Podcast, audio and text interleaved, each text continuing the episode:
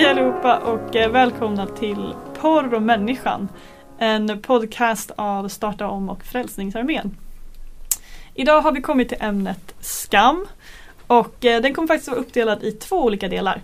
Den här första delen så kommer vi bara prata om skam utifrån vad det, vad det gör med oss, vad skam är för någonting och vad ska, skam och skuld har med varandra att göra. I del två så kommer vi prata om skam och tro och fundera över hur Gud kan stötta, hjälpa och befria oss från skammens band kan man säga mer eller mindre. Så jag skulle rekommendera dig att lyssna på dem i först del 1 och sen del 2. Eh, och eh, ja, helt enkelt bara lära dig mer om, om det här begreppet så att säga. Så föreställ dig att du har gjort bort dig och eh, du vet att det var riktigt dumt. Du ångrar dig och känner dig kanske skuld. Men känslorna slutar inte där utan tankarna tar ett steg till. Du tänker, du gör alltid så här, du borde veta bättre.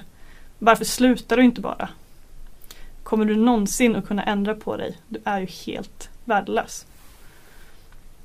Detta är en enkel skildring av skuld och skam och idag vill vi vrida och vända på begreppen. Men särskilt skam, där den ofta håller individer fast i ett beroende.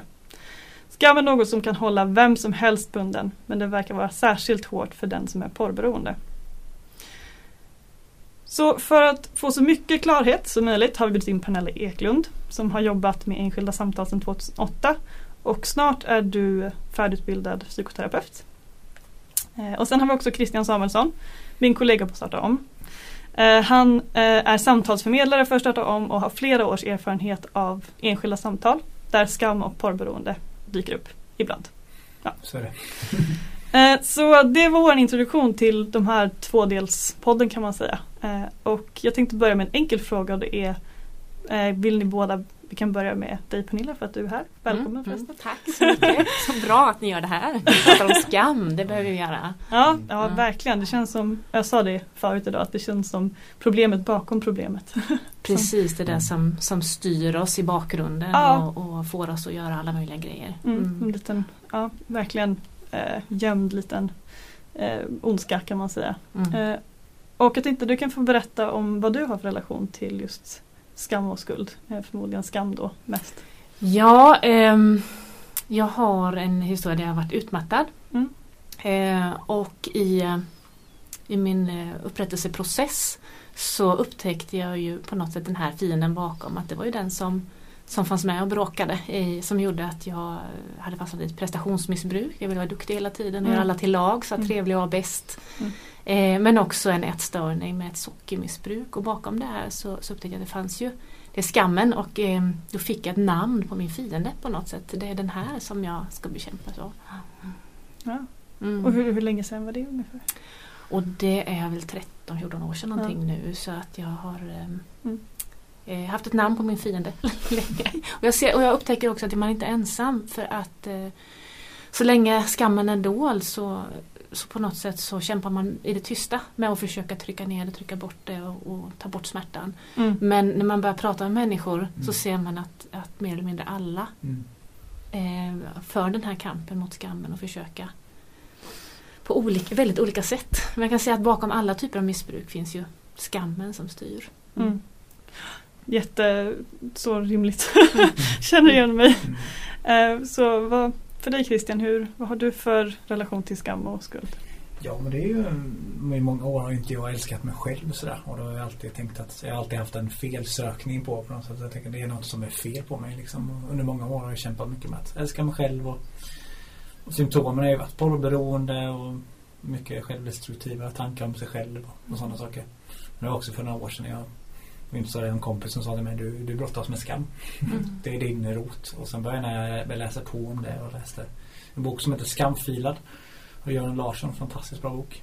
Mm. Och då fick jag börja säga oj, han bara delade upp mitt liv och bara visa oj det är det här jag kämpar med. Och sen dess har jag liksom på ett annat sätt kunnat möta mina problem. Mm. Och leva i äkthet och transparens med. Och veta Mm. det är mycket det som befriar också. Det låter ju verkligen som att ni båda har liksom gått igenom en resa av att ta itu med någonting som har påverkat er alltså hela livet för er. Mm. Eh, som en, ja men så här, ni hittade kärnan och roten i det. Det är ju tänker man kunde få förmedla den här informationen till fler. Liksom. Mm. Mm. Så, men vi pratar, jag i alla fall nämner både skam och skuld. Så jag tänkte vi tar ett liksom, ett steg tillbaks och så reder vi ut lite begrepp och sånt där. För ni båda verkar ha rätt bra koll. Eh, så vad är skuld och vad är skam? Skulle du vilja försöka dig på den? Pernilla? Eh, ja men skuld, det, då har jag ju gjort något som jag kan försöka rätta till om det går eller åtminstone säga förlåt Mm. för det jag har gjort, alltså en handling. Eh, tankar, ord och handlingar eller attityder kan det ju vara. Det, det som på något sätt har kommit ut ur mig. Eh, det, kan jag, det kan jag be om förlåtelse för, kan jag ta ansvar för och där funkar förlåtelsen. Alltså att när du förlåter mig så på något sätt då försvinner skulden. Mm. Problemet med skam är att det känns som en en skuld men det handlar om den jag är. Eh, Du Christian pratade om det här att det är svårt att älska dig själv. Jag tänker Mm. att det är, det är ju skammen eh, att känna sig oälskad och oönskad som, Mm. Som Moder Teresa definierar som fattigdom. Att Mm. den här känslan av att det är något fel på mig och jag kan ju inte be om Mm. förlåtelse för den jag är.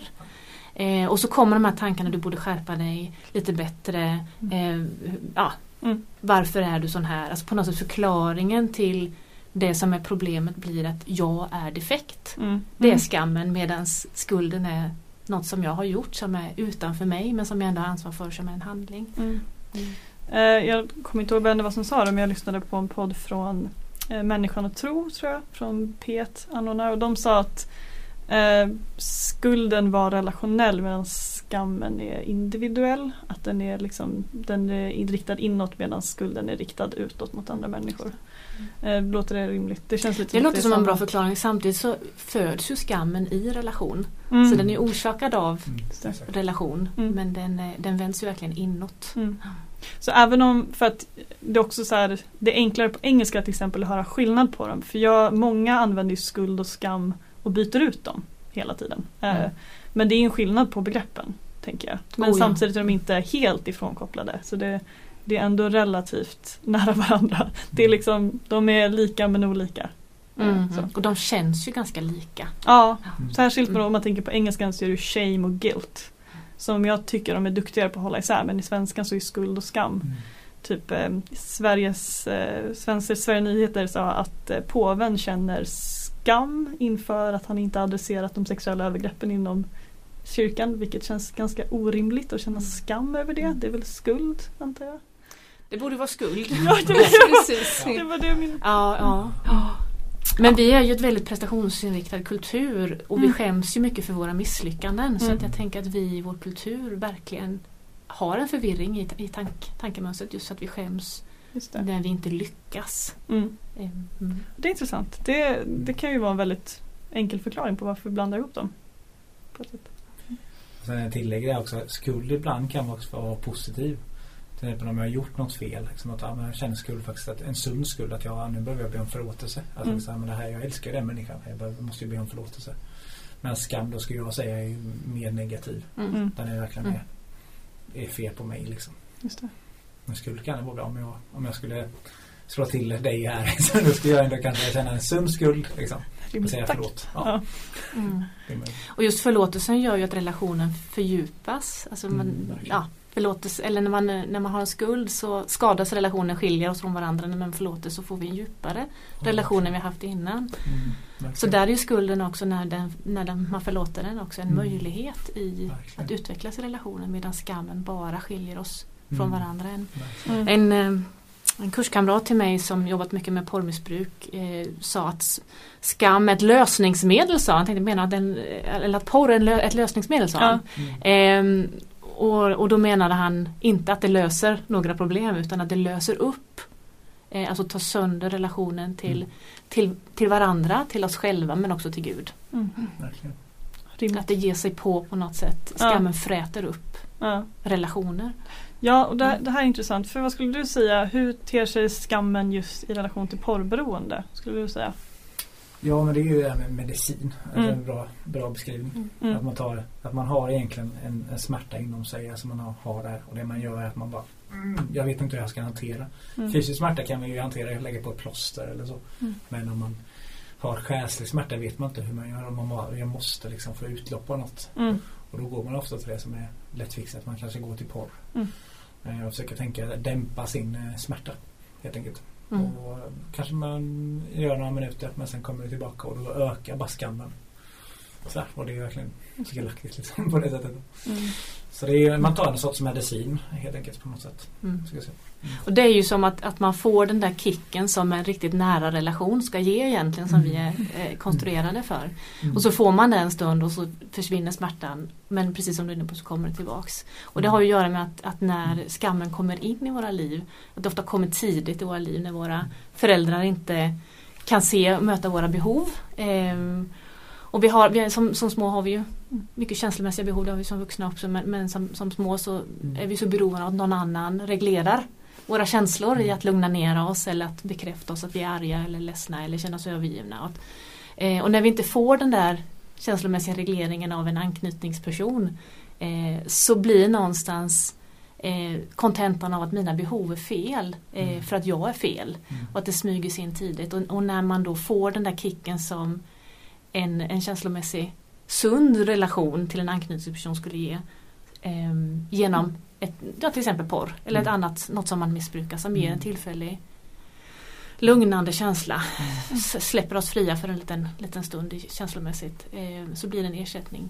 Men det har sin rot i att vi en gång eh, inte fick våra känslomässiga behov tillgodosedda i, i, Mm. ja, som små. Precis. Och därmed så ligger det att man tänker att de behoven är felplacerade eller de hör inte hemma här. Liksom det här med att man, här, jag vill ha någonting men jag får inte tag på det. mm. Lite den, i den kalibern. Det här är jätteintressant att höra. Precis som skammen säger att våra behov är fula. På Ja. Mm. Och det är så lurigt då Ja. att på något sätt man, man skäms över sitt sätt att medicinera för, som är destruktivt. På det är ju Mm. destruktivt. Ja. Eh, men, så skäms man för det men man skäms också för behoven bakom. Mm. Mm. Eh, och det behöver vi därför måste vi prata om, om skam. Mm. För att när man på något sätt får exponera att jag skäms över det här, jag tänker så här och jag känner så här. Och någon annan ser på mig med, med acceptans och Mm. inte avvisar mig eller visar avsky eller Mm. på något sätt behandlar mig illa för mitt Mm. behov. Mm. Mm.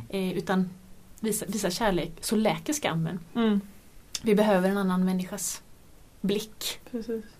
när skammen exponeras. Ja, så, Mm. så viktigt. Så viktigt. Och det är verkligen en av de, när man handlar om just eh, skam och beroende så känns det ju här särskilt liksom, eh, liksom svårt att just eh, göra någonting åt för att det är ett naturligt behov som du säger. Det är samma sak med typ mat och socker för att det är någonting som man naturligt sett behöver och sen så Mm. bara får det ett liv av sig själv där man bara överanvänder den sortens behov och liksom dämpar, Mm. dämpar känslan av skam och känslan av att man inte har rätt att få det man faktiskt behöver. Liksom. Så att det är särskilt mäckigt helt klart. Så det här var bra men då har vi rätt ut ungefär att skuld är naturligt på, i viss mån och bra. Eh, skam kan lätt ta kontrollen och vara destruktiv för människan. Om jag har förstått det rätt. Mm. Mm. Ja.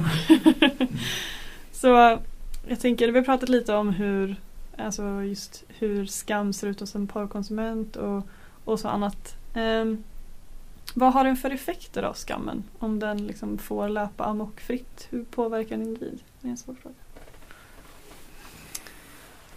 Ja, det kan ju det kan ju ta sig väldigt många olika uttryck. Mm. Alltså när man eh, kanske blir fri från ett porrmissbruk så kanske man blir eh, arbetsnarkoman istället. Alltså man byter ju ofta missbruk då. Mm. Ehm, ja, men en, en jag känner som levt av en sockermissbruk som istället börjat eh, missbruka alkohol.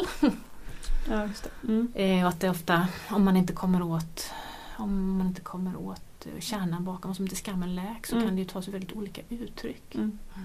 Ja, det där att byta beroenden. Det har man ju hört talat om att det är många som Mm. sitter fast i ett ganska kanske olagligt beroende först om det gäller droger eller något sånt och sen så kommer man in i rehab men sen så sitter man där i en AA-grupp och istället så börjar man kanske att ja, äta och bli väldigt stor eller Mm. man kollar sig börjar Mm. porr eller man börjar att kedjeröka eller snusa istället. Att det, man kanske inte tar itu med roten då, som kan vara skammen. Mm. Mm. Och det är ju ett försök att reglera sitt nervsystem så att man känner sig lite lugnare. Ja. Och man vill känna sig trygg på något Mm. sätt, att det handlar om trygghet. Mm.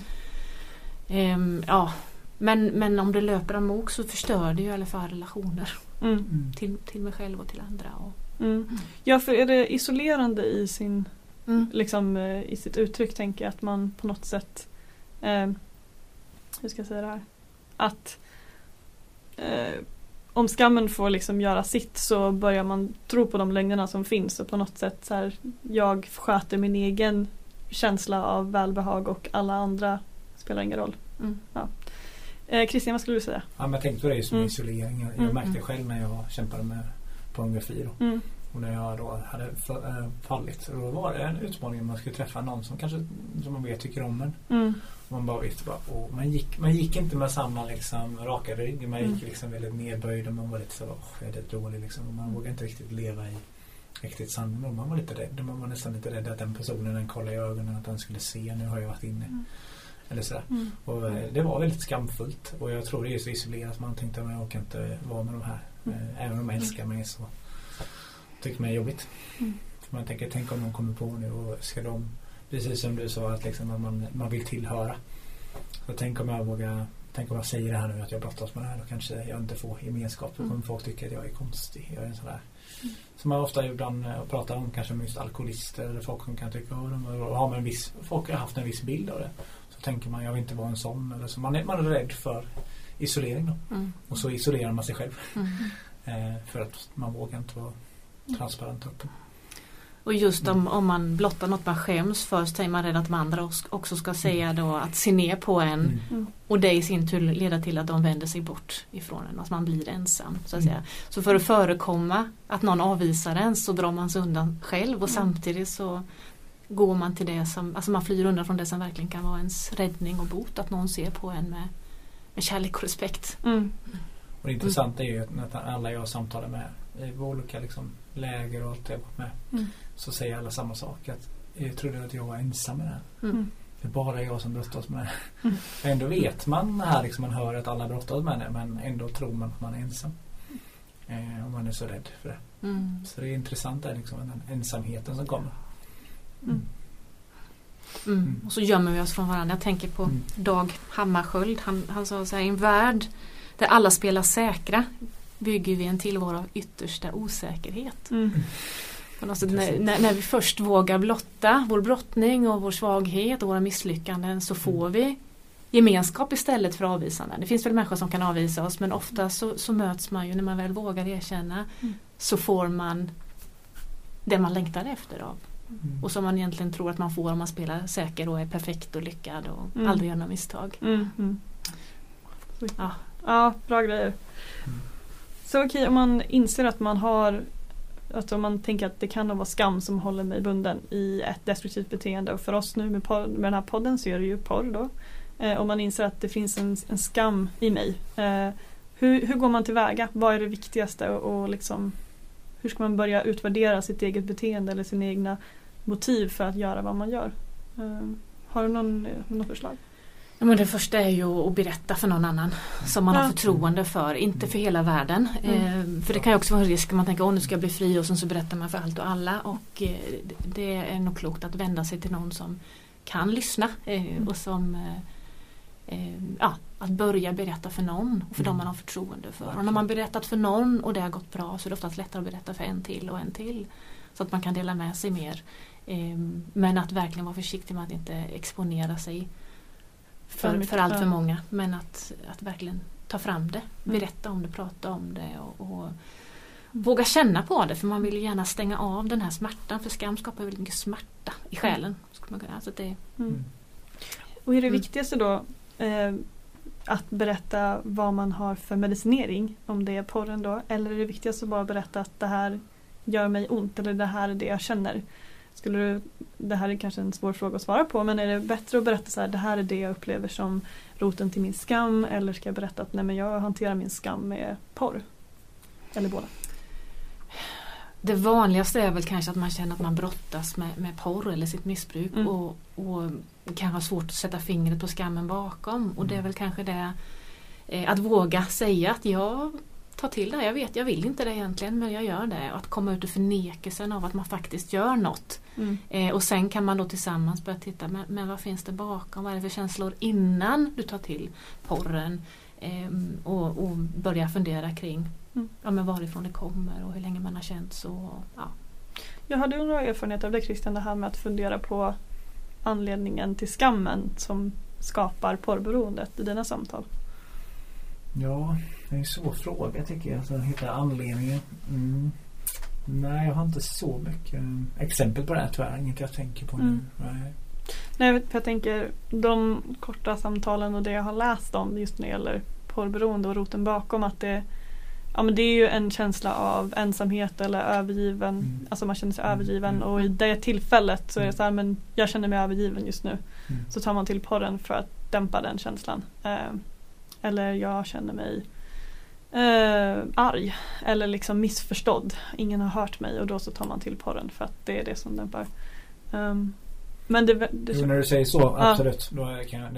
Ja, jag, det Ja, nej, då har man fråga. bara Ja. hitta, nej men eh, då har man ju många. Alltså många, när Mm. man är ensam eller man är, alltså känner man bara jag måste bara få utlopp på något. Mm. Och så går man det säkra kortet liksom. Att man, det som man vet. Mm. Alltså. Mm. Och då går man kanske till pornografin och, och sådana saker. Att det blir lite Men jag tror många inte ens är medvetna om vad man känner innan utan att det är någon slags rastlöshet, ett Mm. obehag och man, man vet inte vad man ska ta vägen. Man kan inte identi- identifiera som att jag känner mig övergiven eller ensam eller, eller arg. Alltså det, det kan vara svårt att hitta eh, vad det är för något som är det. Man bara känner av att det är något som är jobbigt Mm. eh, och man, man ah, det suger liksom. Och så, Nu måste jag. Ja och sen så hittar man, men bakom det så ligger det ju en hel ocean av omötta behov eh, Mm. som tar sig uttryck då i de här känslorna av ensamhet och, och kanske ilska, att man känner sig avvisad och missförstådd. Och, Är det, är det bra i den situationen då att bolla vad det är för känslor med en annan människa eller ska man fundera på det själv eller spelar det ingen roll? Jag, lite som, eh, som Pernilla sa, att Ja. jag tror det är hela tiden öppenhet, transparens, alltså våga dela ut det liksom, till andra, men som Mm. säger med förtroende. Kanske ha någon person som, när du, nej men till exempel, jag har uppmanat um, folk ibland allmänt att bara liksom, när du känner det här, när men, men kanske känner suget av att onanera. Mm. Och det går ju också då ofta vidare till pornografi. Men att bara man känner det liksom, bara, okej, jag- oj, nu är jag svag. Och även efter klockan 22 ofta, efter liksom 10. Då är ju många svaga. Och jag tror liksom att vara också karaktär, att också inse bara, se en svaghet. Att säga okej, här, då brukar jag falla. Och att verkligen att leva i gemenskap. Att bara, okej, jag behöver hjälp. och det tror jag liksom att bara så att jag klarar inte det här själv. Mm. Alltså bara, okej, efter 22 kan du inte skicka ett sms då till mig eller kan du inte liksom, ja, och så be om hjälp. Jag tror Mm. att en sån här grej behöver man hjälp med. Ja, verkligen. Mm. Och det, mm. och då, för då verkar det ju som att, att vara transparent där på något sätt slår udden av eh, vad, vad anledningen är till att man ens går till porren. Att så här, jag är öppen med att ja, men nu känns det jobbigt så kanske det kan vara liksom dämpa den sortens drift också bara så här, någon annan vet om det. Mm. Jag inte själv. Eh, Mm. och så.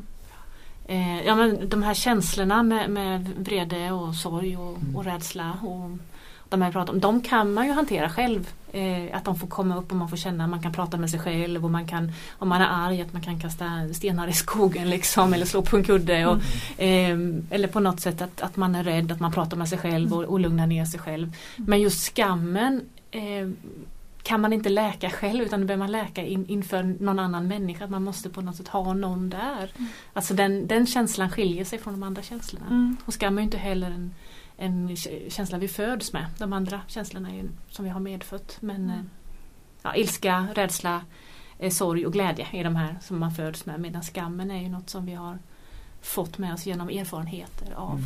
att inte våra behov blir mötta. Och därför Mm. så behöver det också läkas. Det som har gått sönder i relation behöver läkas i relation. Ja. Så skam är ju den som kommit in när relationen inte fungerade med våra anknytningspersoner. Mm. Eller senare i livet via mobbning eller annat också kan det ju vara som har kommit in. Ja, för vi pratade lite om det här med att just för att säga att man behöver, det behöver börja läkas, den känslan av skammen. Eh, och så att, att säga motsatsen till vad man själv har bestämt sig för att det här stämmer om mig. Är det liksom är någonting man kan börja göra själv? Precis, Ja. det är ju, det är ju ett, en kognitiv eh, metod. Man skulle kunna, alltså, Ja. Det är skammens röst, det är skammens budskap. Mm. Själva känslan är en sak men sen när- när, när budskapet är där att du duger inte, vad dålig du är och, och vad äcklig du är och liksom det här som man kan gå eh, tala, tala med sig själv. Nej, det här, det här är inte sant. Mm. Utan jag kan tala sanning med mig själv på något sätt. Vad, vad, vad är sant om mig? Och men att, jag, att jag duger och, att, och då kan man ju ta vad andra människor har sagt till hjälp som är, som är gott. Mm. Eh, ja men Christian sa att han tyckte om mig för det här och det här eller att det här gjorde jag bra eller vad det nu är. Så kan man liksom mata sig Mm. med, med motsatsen. Så Mm. där kan man ju eh, bryta med tankarna. Mm. Mm. För skammen har ju på något sätt skapat en, en fästning in i vårt, vår kärna med massa lögner om att vi inte duger som vi är. Mm. Så bra. Verkligen bra. Mm. Vi börjar närma oss eh, slutet på del ett här. Ehm, och jag tänkte, är det någonting annat ni vill tillägga just när det gäller det här? Någon slags sista tips ni vill ge till människor som möjligtvis är, sitter fast i sin porrkonsumtion på grund av en skam som de bär på. Vad vill ni ge för uppmuntran till de människorna? Jag menar aldrig för sent och, och livet är verkligen för viktigt och för kort för att slösa bort på att känna oss dumma och känna skam att vi inte duger. Menar, det är ju inte, det är inte sant, vi ska inte leva i lögner. Nej. Och det är aldrig för sent att bryta. Eh, det är en, en trasslig väg ut och, och en berg och dalbana men det är, verkligen, det är verkligen värt att ta upp kampen med den här fienden. Verkligen. Ja, men också läsa på lite. Alltså, jag, jag har ju själv gått i terapi och sådana grejer. Liksom, och, och min psykolog sa ju eh, tre bra grejer eh, som, sa att, som ofta kan förvandla oss och som ofta gör förändring. Mm. Dels att man kan, en partner kan göra väldigt mycket förändring i vårt tankesätt. Men också ett gudomligt möte med något högre. Eh, men också mer att man går i terapi. Så jag vill ju rekommendera folk också som kämpar att um, både jag som pratar med dem men också kanske se lite på vad är rötterna? Alltså vad, vad började? Eh, var du med om något jobbigt när du var liten? Att kanske hitta, hitta den här roten. Att vad det börjar och börja liksom skala av och mer och mer. Mm. Komma in till vem du är, sanningen att du är älskad. Mm. Så det vill jag skicka med. Ja, jag passar på att skicka med tolvstegsprogram också. Det är ju verkligen en dundermedicin mot, mot skam i, i de här tolvstegen. Eller Mm. åtta steg som det är Celebrate Recovery. Men det är ju verkligen Ja, precis. För det, det är de två programmen som är relevanta. Om man tänker då för någon som sitter och, och har problem med pornografi så är det ju eh, Celebrate Recovery. Jättebra. Eh, Tolvstegsprogram för, för sår, ovanor och beroende. Och där möts alla som eh, har problem med de här eh, med sår, ovanor eller beroenden. Eh, och man går igenom ett program där man får ta itu med skammen på ett sätt och ta itu med ens självbild och ens anledningar till varför man har hamnat där. Eh, sen vet jag att vissa som tar kontakt med oss har prövat SLAA och också tyckt att det har varit väldigt givande. Och det är alltså sex och kärleksmissbrukare. Eh, och det finns att hitta på deras hemsida. Och all den här informationen finns faktiskt att hitta på vår hemsida också på www.startaom.se.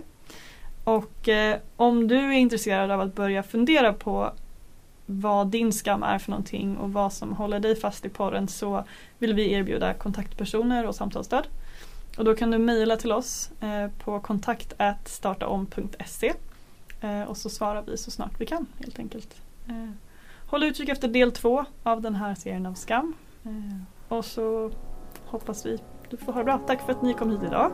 Tack. Mm, tack så mycket. Hej då! Hej då! Hej då!